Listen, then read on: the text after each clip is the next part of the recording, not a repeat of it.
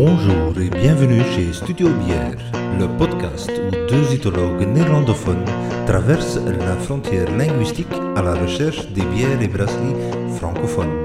Parce que la bonne bière n'a pas de frontières ou de langue. Bonjour, nous sommes aujourd'hui dans un tout nouveau site de brassage qui est ouvert très récemment, mais la brasserie existe déjà à un autre endroit depuis bien plus longtemps. Avec nous, Olivier de Brouwer de la brasserie Brussels Beer Project et nous sommes sur le nouveau site Port Sud. Merci de nous accueillir aujourd'hui. Bienvenue. Avant de parler de ce nouveau euh, très beau bâtiment, euh, passons tout d'abord au début.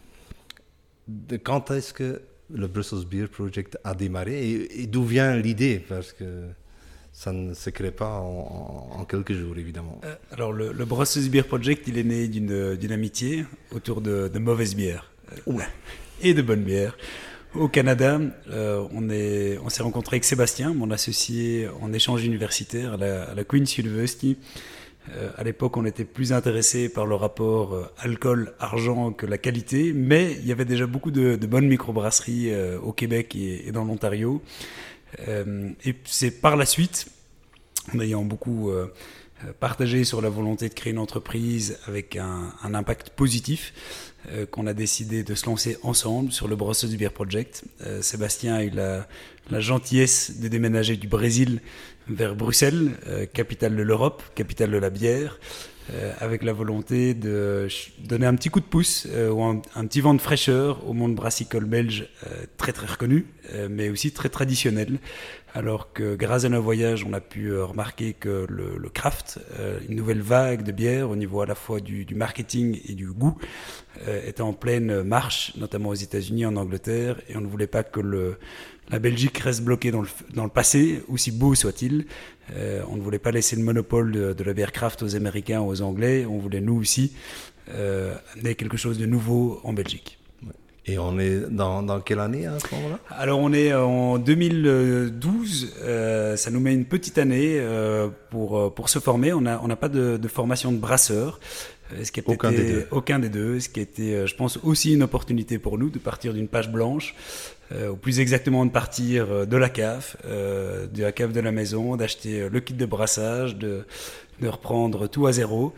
Euh, de beaucoup beaucoup brasser, beaucoup expérimenter, beaucoup s'amuser, beaucoup se rater évidemment au début euh, et ne pas du tout avoir le poids, euh, le poids par exemple de, familial si on reprenait une brasserie, mais pouvoir tout à fait créer. Et c'est comme ça que le tout début en juin 2013, on lance quatre prototypes alpha, bêta, gamma, delta. Qui ont une chose en commun, c'est l'amertume, l'IBU à 45, ce qui est aujourd'hui, je pense, pour une IPA relativement raisonnable. Euh, mais si on se remet en 2013, euh, 45 d'IBU, c'est quelque chose de très amer pour le grand public, euh, mais c'est clairement quelque chose qu'on voulait faire, euh, venir avec quelque chose qui soit une bonne claque euh, d'amertume. Et vous avez, quand j'entends alpha, bêta et jusqu'à delta, euh, vous avez fait le choix pour la delta à ce moment-là. Voilà, le, le, le, point de départ était vraiment de dire on veut amener quelque chose de nouveau dans le milieu brassicole belge qui de nouveau est très riche, reconnu au patrimoine mondial de l'UNESCO. Et on voulait faire trois choses différemment. La première c'était très créatif sur les recettes, donc pas de blonde, pas de double, pas de triple, pas de blanche, euh, que des choses différentes, avec beaucoup d'expérimentation, ne se mettre aucune limite, euh, ne pas euh, être... Euh, ne pas se sentir coupable de faire des choses qui ne sont pas acceptées normalement par les brasseurs. Une deuxième chose qu'on a fait, c'est qu'on a dit on veut être très transparent. Il y a en Belgique le culte euh, de de, l'ingrédient secret, de la recette secrète, et on a on a on a pris une approche très différente de dire on va partager euh, nos recettes, on va en fait donner une, une, ligne directrice, une ligne créative, par exemple que des bières amères, mais on va laisser le public choisir la bière qu'on va commercialiser par la suite. On va laisser aussi la communauté financer le projet, parce qu'on n'avait pas les poches profondes. Euh, et la bière, c'est clairement quelque chose qui nécessite un petit peu de, de, cash pour se lancer. Et puis une troisième chose qui nous a différenciés, donc le côté créatif, le côté collaboratif, ça a été le, le côté l'ancrage bruxellois, qui par la suite s'est aussi transformé vraiment en économie circulaire, notamment avec la Babylone, en impact. Ouais. Et c'est quelque chose qui nous a toujours guidés depuis le premier jour, la créativité, la collaboration et l'impact vous n'aviez pas d'expérience de, dans le métier de, de, brasseur? par curiosité, quelles étaient vos études alors? Ah, Alors on a, on a tous les deux fait des études plutôt commerciales, donc pour ma part d'ingénieur de gestion. ingénieur est sans doute un peu usurpé, hein, beaucoup, de, beaucoup de sciences, mais, mais ça reste effectivement quelque chose de très généraliste. Euh, ce qui me plaît, euh, j'aime bien le côté euh, touche à tout pour découvrir et puis s'entourer de personnes qui, sont beaucoup plus talentueuses que moi sur certains aspects. Ça vous aide évidemment pour gérer la totalité parce que ça a grandi et ça a grandi. tout d'abord, à un moment donné, vous avez ouvert, le site Dansard. vous brassez à ce moment-là déjà sur place aussi ou c'était uniquement le pub au, début? Donc on a, on a une approche euh, étape par étape. En 2013, quand on s'est lancé euh, de nouveau sans, sans fonds, si ce n'est le, crowdfunding, le Beer for Life, euh, soutenu par près de 400 personnes, on, on, fait le pari de d'abord lancer une bière avec un partenaire, Brauer Anders, qui brasse la Delta pour nous. Euh, ce qui nous permet de vérifier si oui ou non ce qu'on fait. Euh, l'idée un peu folle de, vouloir recréer une brasserie Bruxelles, devient une bière un petit peu différente, euh, plaît. Effectivement, très rapidement, ça plaît. Et donc, on se met en quête d'un lieu pour brasser. et on trouve ce, lieu un peu absurde pour une brasserie, rue Anton Dansard, plein cœur de Bruxelles. Euh, qui fait plus ou moins 500 mètres carrés, mais qui est vraiment derrière une façade de maison euh, tout à fait classique. Euh, c'est un peu la caverne d'Alibaba, on s'en doute pas. Il faut rentrer par un petit magasin qui est devenu le, bar, et derrière on découvre une surface beaucoup plus grande. et donc depuis le premier jour, on veut construire cette brasserie pour produire nos propres bières. Ça met plus ou moins un an et demi, deux ans. Euh, pour avoir les permis, le financement et commencer à brasser là. Et puis très rapidement, effectivement, on vend beaucoup plus que ce qu'on peut brasser. Donc Dansard se concentre sur la, création de toutes les nouvelles bières, euh, parce c'est un de trois piliers, le côté très créatif, euh, où on produit plus de, on annonce 20 bières par an, et puis on finit par aujourd'hui produire plus de, de 70 bières par an, ce qui est sans doute trop, mais, mais un autre débat. Euh, et donc très rapidement, effectivement, on ne peut plus produire tout nous-mêmes et on repart avec ses partenaires euh, de longue date, Brouwer et Anders, avant de effectivement construire cette deuxième brasserie ici Anderlecht qui nous permet à nouveau de tout reprendre chez nous. Oui. Le, crowdfunding, vous en avez fait plusieurs hein, depuis, parce que les 400 initiales, euh, beaucoup se, sont rejoints déjà à cette oui, communauté, communauté déjà. Tout à fait. Est-ce que ça vous a aussi aidé à trouver des fonds auprès des banques, d'avoir ça en main déjà ou est-ce que ça ne facilite pas vraiment euh, la discussion avec les banques? Si, si, si, si, si, beaucoup. Euh, le, crowdfunding fait clairement partie de, notre histoire et de notre succès. Euh, et on en est très reconnaissant. Donc effectivement, de la, première communauté, de la première vague des 369 premiers, premières personnes qui nous ont suivis avec un, un gros risque, on a aujourd'hui plus de 5000. Euh, toujours avec le même concept euh, qu'on réouvre chaque année, à savoir de recevoir 12 bières euh, chaque année à vie contre un investissement une fois de 180 euros. c'est en 2013 ce qui nous a permis de, produire nos premiers brassins, puisque de nouveau on n'avait pas de, fonds propres importants.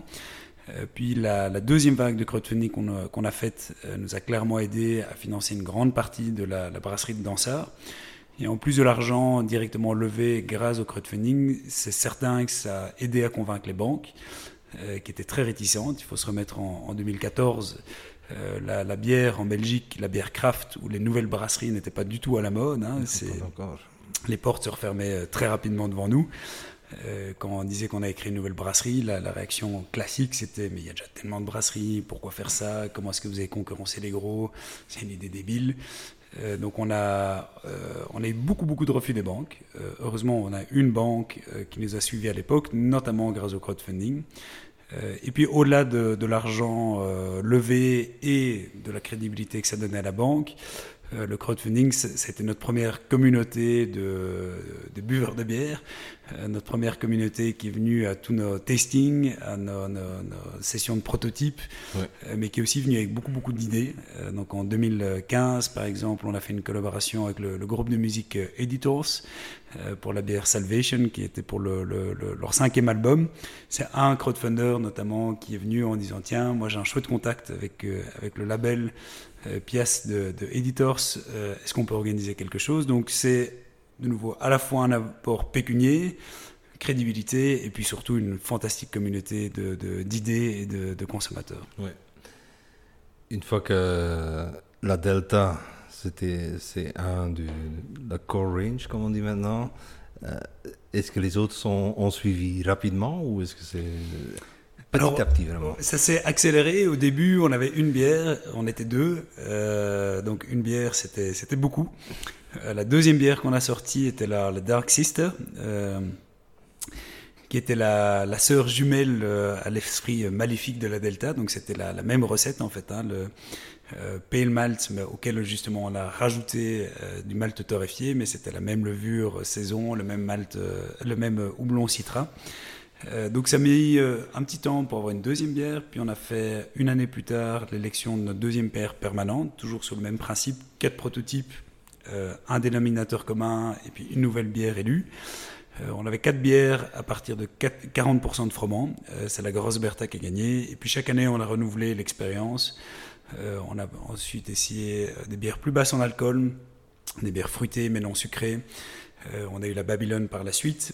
mais à côté de ces quatre prototypes et de ces nouvelles bières permanentes, on a commencé à multiplier les, expérimentations. et de 20 bières par an brassées, aujourd'hui on est effectivement à, à plus de 70. Euh, ce qui ne est pas toujours facile à suivre pour, euh, pour les gens. On veut, on veut peut-être un petit peu diminuer ce rythme pour prendre un petit peu plus de temps euh, pour, pour les expliquer. Oui, pour nous aussi, c'est difficile à suivre d'en voir tellement différentes. Mais c'est pas grave, on, aime bien déguster, donc ça nous permet d'avoir une belle vue de ce qui est possible aussi. Tout à fait. Donc c'est bien. Brussels Beer Project, oui, Bruxelles est bien prominent dans, dans votre nom euh, et c'est aussi international. Est-ce que c'est tout de suite, euh, vu que vous étiez au Canada, que ça c'est devenu tout de suite en, anglais ou est-ce plutôt euh, en vue d'aller en, international C'est une bonne question. Bruxelles est une drôle de ville, hein, c'est quand même très cosmopolite, et on a fait le, le, choix de ne pas choisir entre le français et le néerlandais. Euh, et donc on s'est dit, voilà, partons sur l'anglais qui est une, langue quelque part euh, commune. Euh, Bruxelles est à la fois des néerlandophones, des francophones, mais aussi une énorme communauté internationale. Donc on a fait ce choix aussi très pragmatique. sur l'étiquette, il n'y a pas beaucoup de place. et donc communiquer dans une langue facilite. après, c'est un débat assez récurrent dans l'équipe parce que notre communauté, elle est très très fort à Bruxelles mais de manière plus générale en Belgique, à la fois en Flandre et en Wallonie et en France. Euh, et donc ça pose toute une question effectivement euh, philosophique et pratique de quelle langue utiliser, euh, ce qui n'est pas évident, on n'a pas de réponse. Les Français parlent très très mal l'anglais, donc c'est un problème. à Bruxelles, c'est quand même pratique de pouvoir communiquer en anglais, mais pour un francophone ou un néerlandophone, c'est un peu bizarre. Euh, donc voilà, on n'a pas, trouvé la, pas trouvé la réponse. Mais l'acronyme BBP, ça, facilite la chose. Voilà, exactement. Euh, ça, évite un peu plus d'erreurs entre euh, Belgian Beer Project, Project Beer Brussels et, autres. oui, vous en avez dû en entendre beaucoup. Là. Voilà, quelques-unes, surtout après quelques bières. Ah oui, en plus. mais est-ce que vous exportez beaucoup de vos bières Alors, c'est une bonne question. C'est notre philosophie de base est d'avoir vraiment un ancrage à Bruxelles extrêmement fort, euh, mais ensuite de pouvoir exporter, faire euh, quelque part voyager la bière, comme nous on a pu voyager euh, à travers la bière. Mais au fur et à mesure des années, notre philosophie a fort évolué. Je pense que comme beaucoup de gens de notre génération, l'environnement est devenu de plus en plus important. Et on se rend compte qu'en fait, ça n'a absolument aucun sens d'exporter des bières loin. Ça n'a aucun sens d'un point de vue écologique, puisqu'une bouteille vide, c'est 300 grammes. Donc c'est beaucoup de poids qu'on exporte euh, loin pour rien. Euh, et puis d'un point de vue fraîcheur pour la bière, ça n'a pas beaucoup de sens non plus, puisqu'une une IPA, euh, une IPA, c'est pas des bières qui s'exportent bien. Euh, Dansard est peut-être une exception, on y reviendra, puisque ce sont des, bières qui, qui, vieillissent très bien. Et donc on a, on a hum, récemment fait le choix de tout à fait, euh, je ne sais pas quand le podcast sortira, je ne suis pas sûr que ce sera déjà officiel, mais, mais d'arrêter le grand export. Euh, Donc aujourd'hui, la Belgique est déjà un gros 70% de nos ventes. Donc c'est l'inverse des euh, brasseries belges en moyenne, puisqu'en moyenne, une brasserie belge exporte deux tiers, nous on a deux tiers en Belgique. Mais au-delà de ça, on veut tout à fait arrêter le grand export, ce qui est un choix difficile pour nous, puisqu'on exporte aujourd'hui dans une quinzaine de pays au grand export, et que ça fait partie aussi du côté très sexy et exotique de BPP, puisqu'on a ouvert très rapidement un bar, Brussels Beer Project, à Tokyo au Japon. Et donc arrêter le grand export veut dire perdre une grande partie de nos ventes, mais aussi arrêter le premier bar Brussels Super Project qu'on a fait à l'étranger. Vous en avez deux à, Paris en plus. Voilà, heureusement Paris fait partie de l'Europe et donc le, focus c'est clairement la Belgique euh, et puis proche de chez nous, euh, de nouveau pour des raisons essentiellement écologiques. Euh, donc l'Europe est quelque part, voilà, c'est un continent et donc l'idée est de, continuer à mettre l'accent sur la Belgique, mais aussi sur la France, les Pays-Bas et puis les régions qui nous entourent. Quand c'est pas trop, trop éloigné, c'est encore envisageable de, rester. voilà, d'autant plus avec la canette, euh, qui a un, grand débat, un bouteille canette, mais, mais c'est sûr qu'on essaye de mettre plutôt l'accent sur la bouteille consignable en Belgique. Euh, puisqu'on sait qu'on a un système de consigne qui est assez bien fait dans les bars et dans la grande distribution. Euh, et que si la bouteille est réutilisée plusieurs fois, c'est le, conditionnement le, plus écologique. Par contre, pour l'export, là où les bouteilles ne sont pas euh, reprises, la canette a beaucoup de sens puisque c'est plus léger en termes de transport et puis l'aluminium, on le sait, est recyclable à 100% et à l'infini. donc on essaye voilà, de plus en plus de pousser bouteilles consignables en Belgique et les canettes à l'export, en parallèle bien sûr des fûts en inox consignables. Euh, ça n'a pas été une option de... Parce que les bars, c'est uniquement des bars. Ce ne sont pas des sites de brassage à, Tokyo et à Paris. Hein. Non, non, non. effectivement, c'est déjà compliqué de gérer des bars. Alors gérer des brasseries à l'étranger, c'est encore, euh, c'est encore une autre paire de manches. Ce ne serait pas évident non plus. Euh, ce qui... Tout le monde qu'on parle de, de, Brussels Beer Project, c'est ah oui, c'est ce avec euh, les étiquettes euh, qu'on reconnaît de loin. Euh. donc quand on est dans n'importe quel magasin, on voit à, 10 mètres, ça c'est les bières Brussels Beer Project. C'est un, un, truc marketing très fort. c'est vous-même qui, qui, êtes venu avec ça, je suppose Alors non, et heureusement. Pour la petite anecdote, cette étiquette est en fait notre cinquième étiquette. on a eu quatre étiquettes précédent à celle-là. Alors elles se sont succédées assez vite dans le temps. La première étiquette, euh, on l'a développée avec un, copain qui, s'en sortait un petit peu sur Photoshop. C'était une étiquette noire et blanche, donc l'opposé des couleurs Pantone, Peps, Fluo ici. Euh, et donc on a, on a partagé ces premières bières qui, étaient donc alpha, bêta, gamma, delta, avec des, étiquettes noires et blanches. Euh, on les a partagées lors de différents événements à gauche et à droite avec des copains et tout le monde nous a dit c'est horrible. On dirait une annonce nécrologique, c'est triste, euh, c'est vraiment, euh, c'est vraiment nul. Et c'est là qu'on s'est rendu compte que euh, tout le monde n'est pas un bon designer et certainement pas moi. donc on est parti effectivement vers un, une autre personne qui nous a aidé à, développer une première étiquette qui a par la suite évolué plusieurs fois, jusqu'à arriver effectivement sur cette étiquette avec la bande et toujours ce système de deux couleurs. Euh, c'est ici une, euh, agence, une petite agence, juste ici à côté à Forêt, à Bruxelles, qui nous a aidés dans, cette démarche. Euh, tout le, reste, les noms, les histoires, les couleurs, viennent effectivement de, essentiellement de mon associé et puis de l'équipe. Euh, mais le concept de bande, qui est un concept extraordinaire, en fait, euh, souvent le, le, plus simple et le mieux, nous permet effectivement de décliner bah, 70 bières différentes par an, sans avoir chaque fois un coût de création de bière. Euh, et étonnamment, entre le nom et le jeu de couleurs, on peut déjà exprimer beaucoup, beaucoup de choses euh, et faire passer un message. Ben, je trouve ça fantastique. Euh, j'ai fait des études marketing, moi je trouve ça génial. on en vient au nouveau bâtiment où on est aujourd'hui. C'est,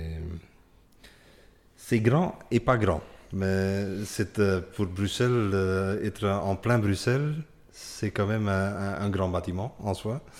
Euh, mais quand euh, on a fait le tour ici, tu nous as expliqué, il euh, fallait bien que tout soit compact, compacté dans ce bâtiment. pour avoir le volume que vous voulez avoir.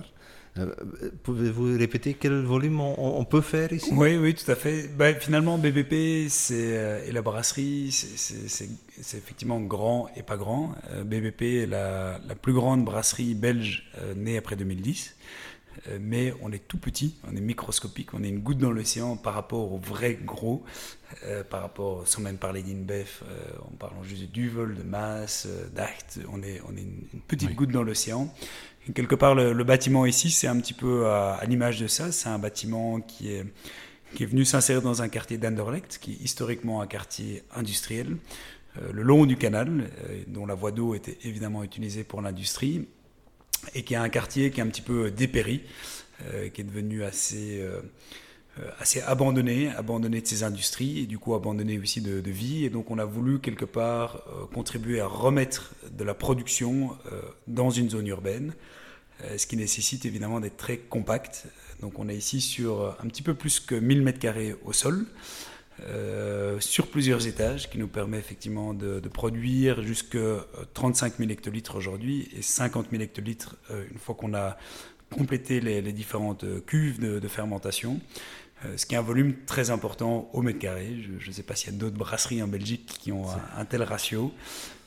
et ce qui a aussi nécessité de faire un certain nombre de choix. Donc on n'a pas de logistique ici. Donc on a uniquement tout le stock nécessaire à produire pour la semaine, et puis tout ce qui est produit dès que c'est validé par le, labo euh, part chez un logisticien externe, ce qui nous permet à la fois de gagner de l'espace, mais aussi de limiter le nombre de camions, euh, puisqu'on est ici dans le cœur de la ville, et donc on veut éviter évidemment d'avoir un impact négatif sur les, sur les voisins.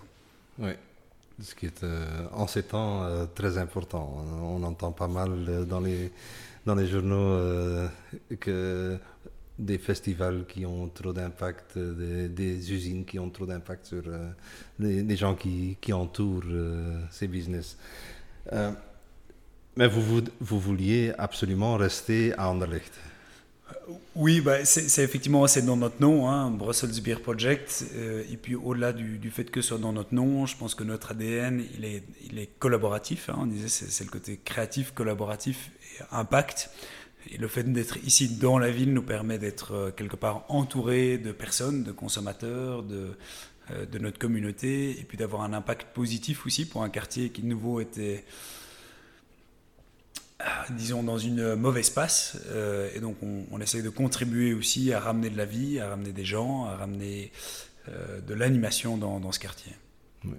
Est-ce que les gens vous ont euh, accueilli à, bras ouverts ici Alors je dirais qu'à 95% oui, euh, et comme toujours, euh, d'ailleurs comme quand on a lancé en 2013 Brosseuse Beer Project, on est, on est une brasserie je pense assez visible, on aime bien la communication, on aime bien casser les codes, on aime bien faire les choses différemment, et je, pense comme toujours, il y a, il y a, il y a beaucoup de positifs et il, y a, il, y a il y aura toujours des opposants, et je pense que c'est quelque chose qui est positif.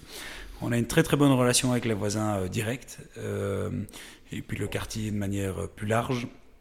Maintenant, c'est certain qu'en venant ici avec un bâtiment très coloré, on a aussi des feedbacks et qui, je pense d'ailleurs, il faut écouter de, gentrification, de faire attention à, bien intégrer le quartier. C'est sûr qu'aujourd'hui, c'est un quartier qui est assez musulman. et donc, c'est important de pouvoir trouver cette bonne balance, d'amener de la vie tout en s'intégrant bien au quartier. Oui, avec le respect pour, dans les deux sens. Euh, c'est toujours euh, important, évidemment. Euh, c'est un beau bâtiment avec beaucoup de, possibilités pour le brassage. Est-ce que vous brassez maintenant toutes vos bières déjà ici? Ou est-ce qu'il y a encore une partie qui est autre part? Alors on brasse toutes nos bières ici, à l'exception des, bières sans alcool, les Picobello et Piconova qui nécessitent une, une, technologie un petit peu particulière puisque il y a beaucoup de sucre non fermenté, donc ça nécessite un, tunnel pasto, euh, un équipement qu'on n'a pas ici. Euh, tout le reste des bières, effectivement, euh, les Delta, les Jungle Joy, Babylone, Grosse Bertha et toutes les bières éphémères sont brassées ici. depuis janvier, à l'exception de Dansard, Dansard qui est donc ce nouveau programme qui a lieu dans l'ancienne brasserie, qui alors là des fermentations spontanées et mixtes. Et évidemment, bah, pour tous les connaisseurs de bière, on ne mélange jamais dans un même site de production des bières euh, clean et des bières de fermentation spontanée et mixte. On va en parler tout de suite. Peut-être encore des, des bières qui ont été brassées chez la brasserie Anders. L'affaire sur cette installation, ça n'a pas dû être évident non plus. Alors, ça a été euh, plutôt une surprise que c'était plus simple Ah que bon? ce qu'on pensait. Euh, euh, bon, d'une part, en fait, les, premières Delta, les premières Babylone, les premières euh, Juice Junkie qu'on a faites, euh, je trouve, ont été, euh, alors de manière plus ou moins objective, à la fois très similaires, mais je pense un petit peu meilleures. En tout cas, c'est ce qu'on a fait sur en test blind test. Je trouve qu'on arrive à des résultats très très très très proches, mais avec un petit peu plus encore de notre patte BBP. On a quand même accumulé beaucoup d'expérience euh, sur la brasserie de Dansard, on connaît extrêmement bien nos recettes, on a développé toutes nos recettes, et donc je pense que ça a été quelque chose qui a été étonnamment plus facile que je ne le pensais. Euh, à l'inverse, on a eu beaucoup plus de difficultés à monter en volume rapidement. Euh, la, partie, euh, la phase vraiment de, de prendre en main les machines, de, de, de progresser dans le volume était plus compliqué euh, que arriver sur des bières qui soient très similaires, euh, avec une petite touche encore, je pense, euh, meilleure au niveau de la qualité. Nous, vous nous avez offert euh, avant le- le- l'enregistrement du podcast déjà une bière. Était déjà, est-ce déjà une qui est brassée ici? Oui, oui, oui, tout à fait. Donc ici, c'était la, la Moonshot. Euh, La Moonshot, c'est une, une de nos bières, ce qu'on appelle pop-up, hein, donc une des bières qui sont euh, non permanentes, qui est une bière d'ailleurs qui sera euh, commercialisée à partir de la, la semaine prochaine. Euh, la Moonshot, c'est ce qu'on appelle une Mountain IPA. C'est euh, un partenariat un petit peu spécifique avec notre fournisseur de houblon, Yakima Chief, euh, qui nous a permis d'aller choisir directement chez euh, l'agriculteur de houblon euh, dans l'Oregon une série de houblons. Euh, donc c'est le programme qui s'appelle Farm to Pint. Ils choisissent une brasserie euh, par pays, en l'occurrence ici BBP pour la Belgique, pour vraiment aller chercher quelque part le meilleur du houblon aux États-Unis.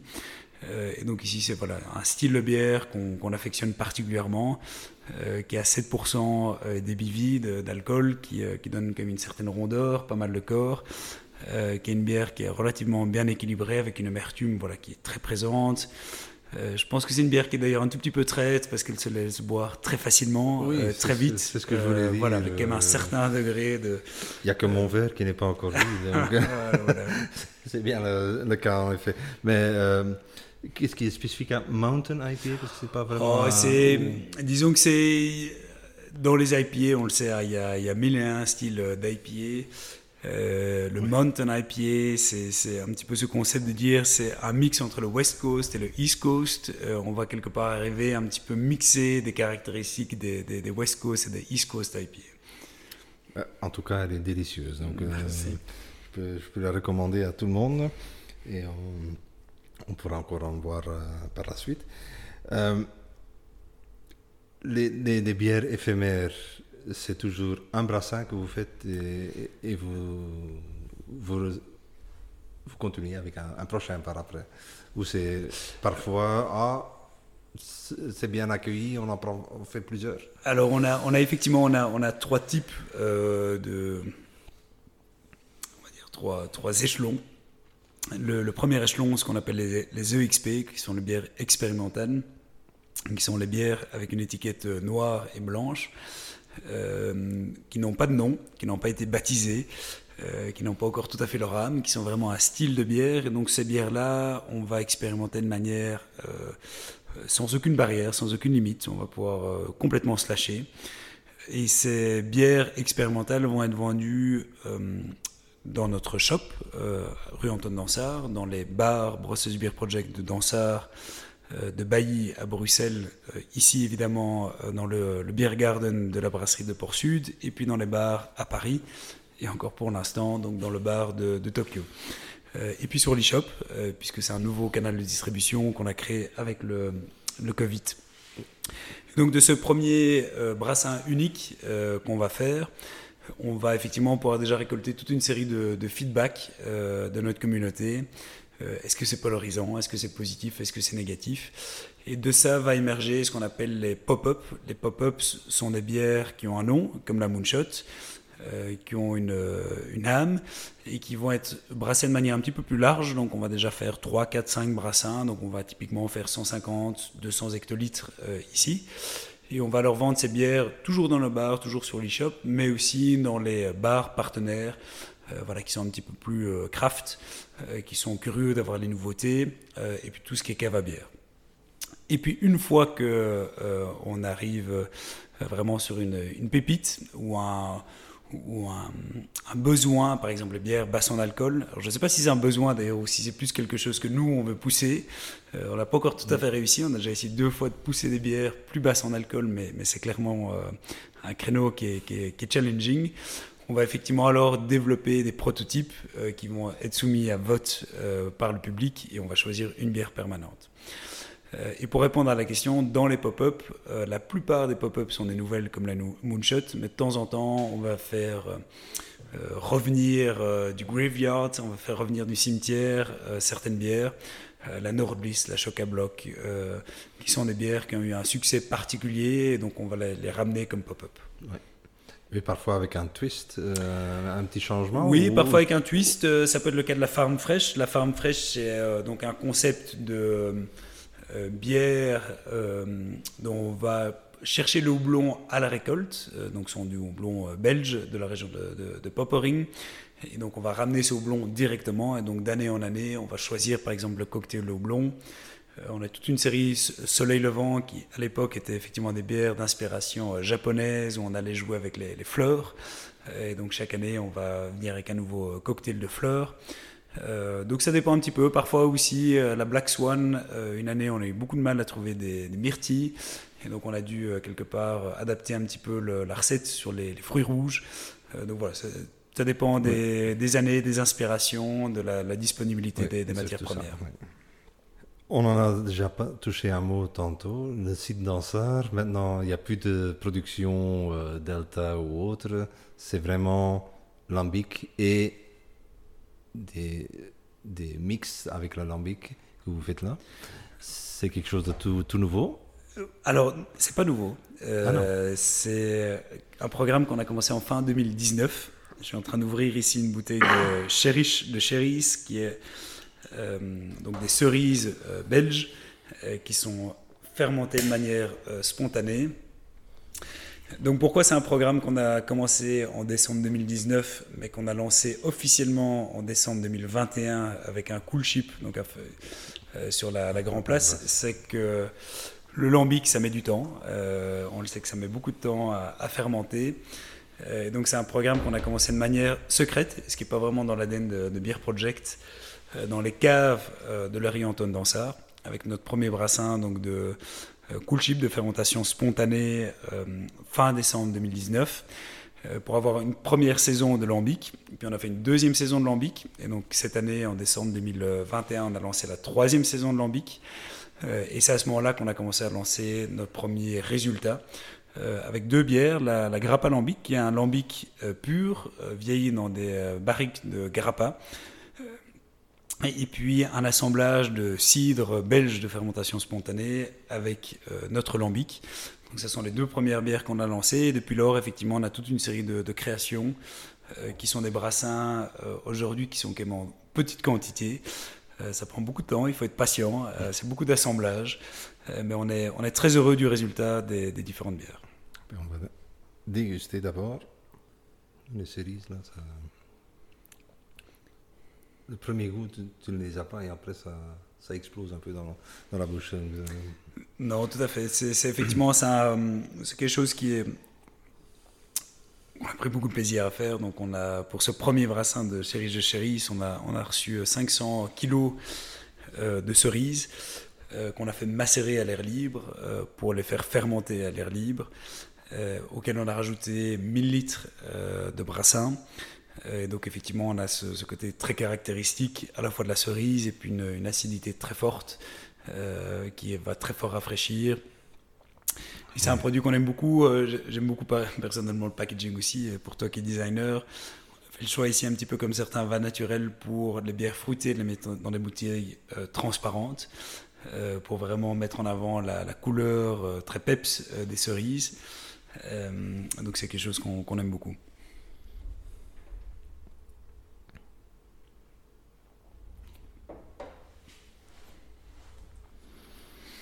Donc dans ça, arrive vraiment dans le, même ADN que Brussels Hyper Project. Donc dans ça, une line-up de Brussels Hyper Project où on va euh, beaucoup s'amuser de nouveau en termes de créativité sur les fermentations spontanées et mixtes. Euh, donc on va faire absolument tout ce qu'on veut, un petit peu comme on l'a fait sur, euh, sur BBP. On va avoir la même notion de collaboration et de local. Et donc, par exemple, on est ici à Anderlecht, on a fait une collaboration avec la ferme Bic, qui est une ferme en aquaponie qui produit énormément de choses, notamment du basilic. donc, c'est quelque chose qu'on a rajouté sur, sur une de nos bières qui, qui fonctionne très bien. Euh, on a d'autres collaborations avec euh, notamment Permafungi. Permafungi sont des champignons euh, cultivés à partir de mares de café jetés. Ah bon Donc ils sont récupérés des différents commerces et donc leurs propres champignons cassés, on va les utiliser dans le cool chip et donc on va avoir le même ADN de créatif, collaboratif et impact. Et vous mettez sur ces bières-là plutôt la marque Dansard que BVP pour faire un peu la distinction entre les deux. Voilà, c'est effectivement un créneau quand même assez différent. C'est une, euh, pour nous, ça a été aussi une, euh, une évolution dans la manière de produire des bières. Là, on a une obsession sur les bières euh, classiques de fraîcheur, de les vendre extrêmement vite, pour toujours préserver ces arômes de houblon. Ici, on est dans une approche complètement différente. Euh, on va faire beaucoup plus d'assemblage, se laisser beaucoup plus de temps euh, avant de mettre en bouteille, une fois que c'est mis en bouteille. Euh, donc autant l'ADN reste le même, autant la technique est très différente. Oui, tout à fait.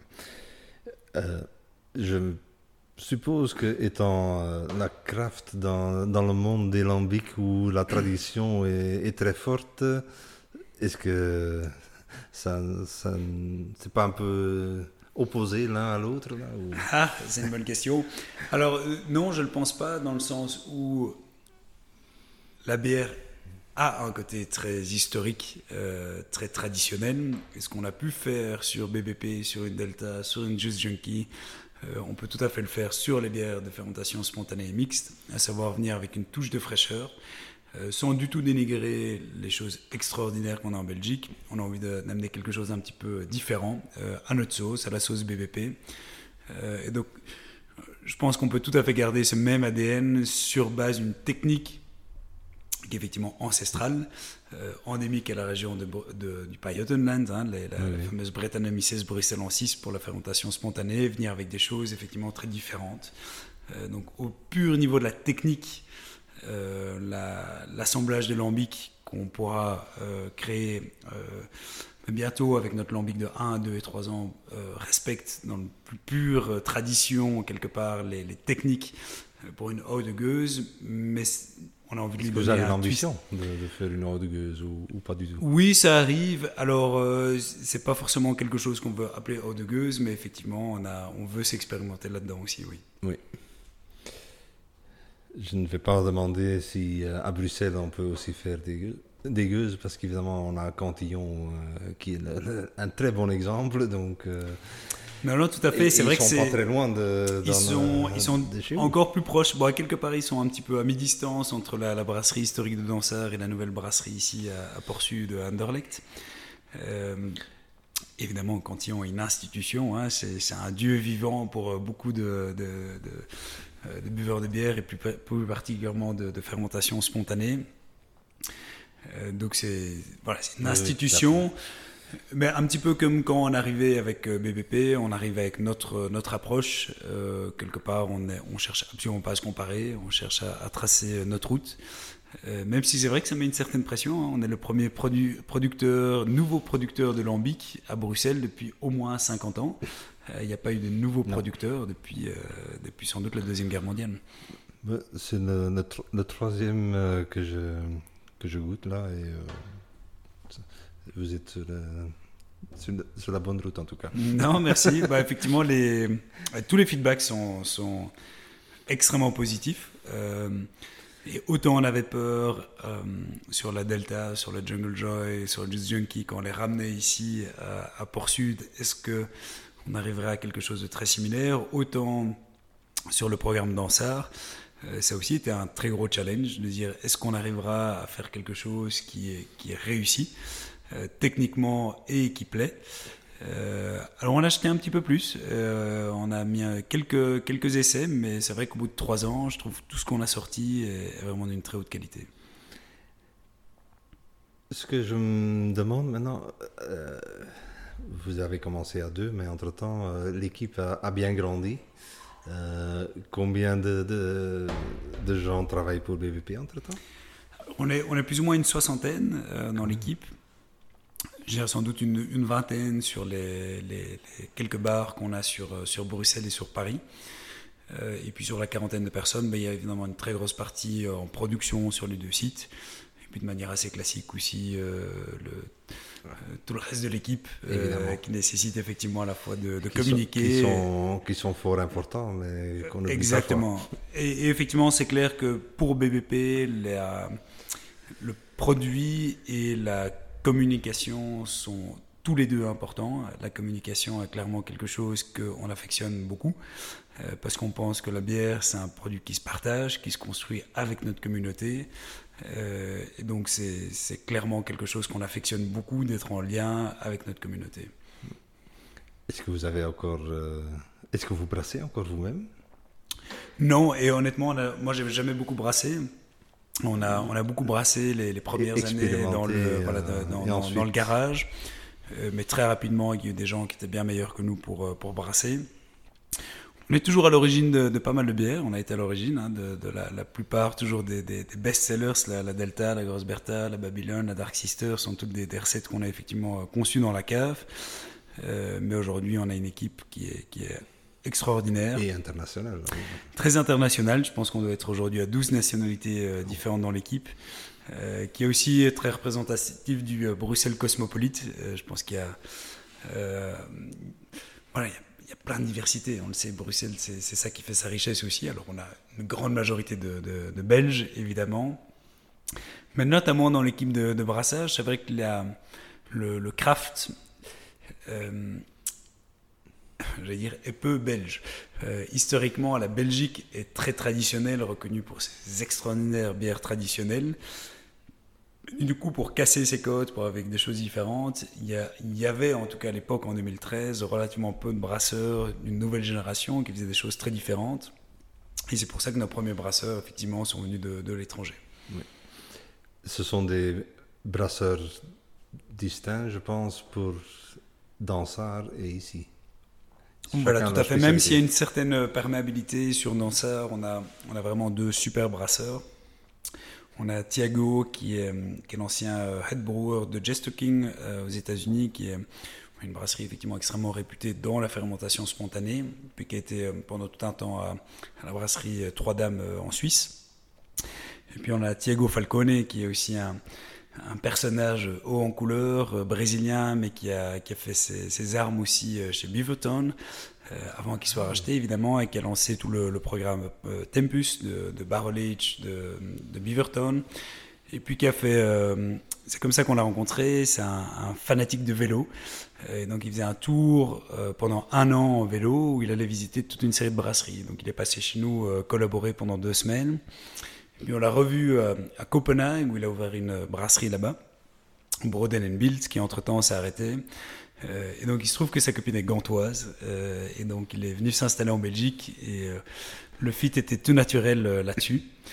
Quelle opportunité. Voilà, exactement. Tandis que sur Port Sud, c'est vrai qu'on a, on a d'autres brasseurs avec des, des, profils très différents qui viennent de toutes petites brasseries. Enfin, en fait, le, le, le, responsable de production et le responsable créatif sont les deux brasseurs historiques de, qui travaillaient sur Dansard depuis 5 ans chez nous.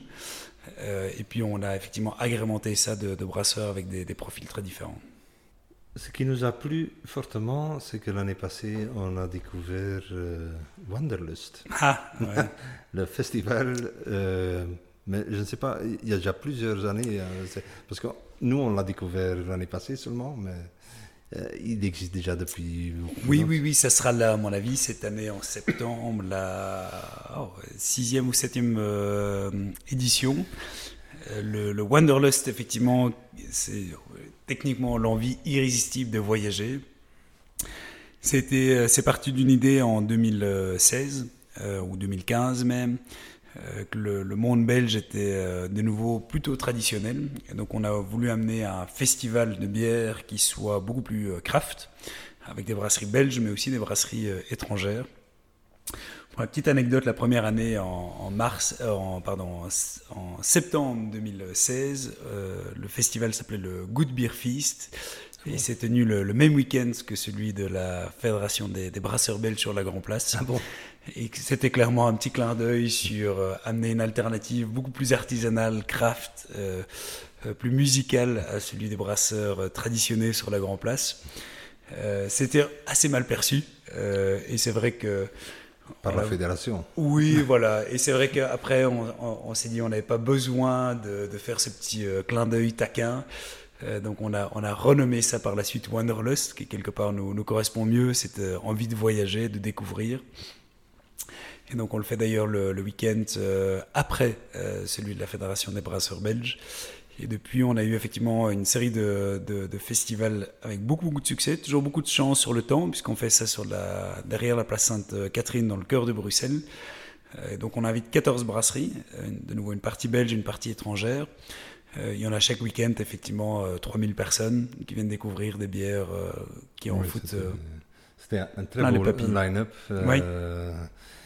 National et international. On a découvert est-ce que de là sortent aussi des, collaborations avec d'autres Oui, c'est bah, toujours l'occasion. C'est l'inverse des collaborations. Alors, effectivement, c'est les deux. On a, on a beaucoup de brasseries euh, avec qui on a collaboré euh, dans le passé qui viennent au festival. Euh, les collaborations, bah, c'est toujours une histoire d'amitié, puis de, de, partage de valeurs, de partage de, de savoir-faire.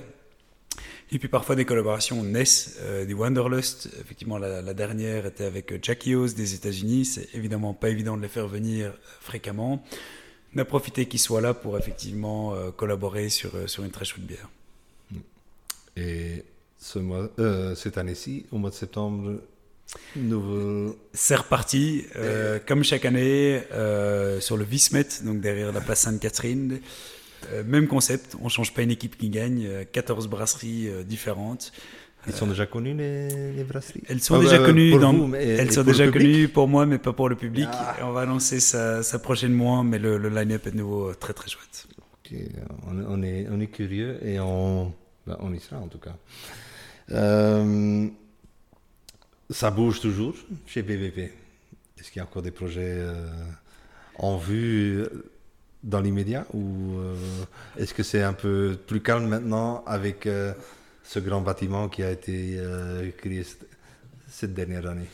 Non, ça continue à beaucoup bouger. je pense que de nouveau, ça fait partie de notre ADN, le, le, côté projet, working progress, toujours changer, challenger le, statu quo. mais on innove, on continue à bouger toujours dans les trois mêmes directions. Le, côté très créatif de pouvoir faire découvrir des choses différentes à notre communauté, le côté collaboratif, ça reste toujours euh, euh, l'essence de ce qu'on fait, de pouvoir euh, partager. La, bière, c'est le partage, c'est un moment de plaisir. Et ce qui évolue d'autant plus, c'est le côté impact. ça a toujours fait partie de notre ADN, notamment avec la Babylone, qui était la première bière faite à partir de pain frais vendus en, en 2015. chaque année, on récolte plus ou moins 5 tonnes de pain frais invendus pour le transformer en bière. Euh, et au-delà de la Babylone, on a beaucoup, beaucoup, beaucoup d'autres projets euh, déjà réalisés sur l'économie circulaire, refaire de la, du pain à partir de drèche. On a du shampoing qui se fait à partir de nos restes euh, de levure. On a beaucoup de choses qu'on continue à faire et on veut d'autant plus mettre l'accent là-dessus. L'écologie, le numéro un.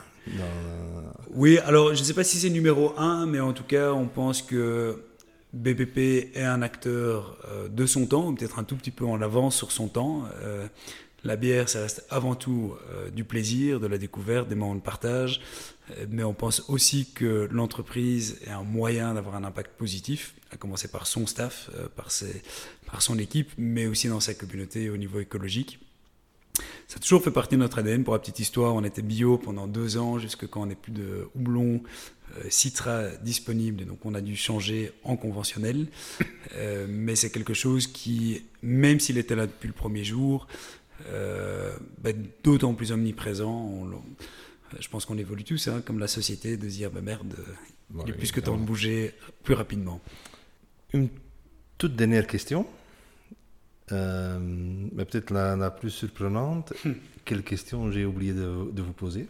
Et Y a-t-il quelque chose que vous voulez encore partager euh, Partager que, que je n'ai- j'ai oublié de, de penser euh, à, à- à vous demander Alors, euh, la question qu'on aurait pu te poser, c'est c'est comment, comment nous découvrir, comment, comment boire nos bières. Euh, on vit quand même grâce à, notre communauté, grâce à ceux euh, qui nous, qui nous suivent et qui nous, euh, dé- nous dégustent. Euh, si vous n'avez pas encore eu l'occasion, que ce soit les, bières de Dansard, que ce soit les, classiques ou les pop-up, euh, bah, le mieux c'est évidemment de venir chez nous. Euh, ici, dans la brasserie du Bergarden euh, à Anderlecht, dans un des bars, mais aussi sur l'e-shop ou tout simplement dans tous les bars euh, qui ont le, la gentillesse de nous distribuer et de, de- de nous faire découvrir euh, aux consommateurs ou dans la grande distribution. Euh, ça, c'est peut-être la, la- la première chose. Oui. Si vous voulez nous aider et simplement vous faire plaisir, euh, n'hésitez pas à découvrir les classiques, mais aussi toutes les pop-up. Euh, et n'hésitez pas non plus à donner du feedback. Je peux, je peux tout- tous vous recommander de le faire parce qu'il y, a- y des pépites dans, dans votre gamme qu'on veut toujours euh, redéguster à chaque fois. Donc, euh, ça vaut absolument la peine. Si moi j'ai une question euh, à poser, quelle, serait la, quelle est la chose qui vous marque le plus en BVP Et qu'est-ce que vous me recommanderiez? Bonne question. Euh, ce que moi j'adore chez BVP, c'est que ce ne soit pas 20, mais qu'il y en a 70 euh, ou 70 euh, par an qui- qu'on peut déguster, mais qu'il y en a pour tous les goûts.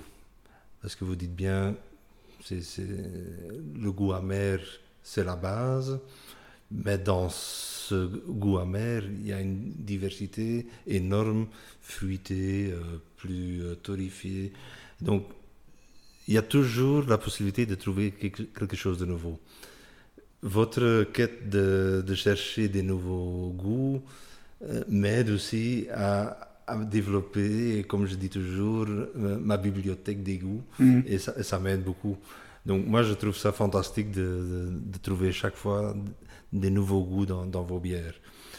Et euh, bon, qu'est-ce que je peux vous recommander? C'est de, de continuer sur ce, même- ce- ce même chemin. Et ce qui est en plus euh, la communauté que vous créez avec euh, l'engagement pour euh, l'environnement, mais aussi pour les, les gens dans, la- dans les environs de, de la brasserie, donne pour moi euh, que ce n'est pas uniquement du business, Mm. qu'il y a aussi de l'humain dans, Mm, dans la totalité. Et ça, ça me, ça me, oui, ça, ça me fait plaisir. Bon, mais c'est bien, c'est ce qu'on veut faire en tout cas. C'est, c'est pas que les chiffres et enfin à la fin du mois on, on doit gagner tant et, et avoir ce pourcentage et- ou ce bénéfice. C'est la totalité et, et ça, me- ça fait du bien. Super, mais je peux, je peux te rassurer là-dessus. C'est, c'est Et- la- ça a été le point de départ, c'est de, de créer une entreprise qui, euh, qui ait des valeurs, qui a un impact positif, euh, autant que la bière. Et c'est cette combinaison, effectivement, de, faire découvrir, de se faire plaisir, mais avec un impact positif. La bière qui peut en, effet rapprocher des gens euh, l'un de l'autre, mais c'est, plus que évidemment les chiffres sont importants parce que sinon sinon, on- ça peut pas durer, mais qu'il y a la valeur en plus, c'est important. Voilà, nous venons à la fin de notre podcast. Je vous invite à nous suivre sur euh, Facebook et Instagram pour quelques photos, évidemment, euh, également les Facebook et les médias sociaux de Brussels Beer Project pour en savoir plus. Ou le TikTok. Même TikTok. et à la prochaine. Merci, salut.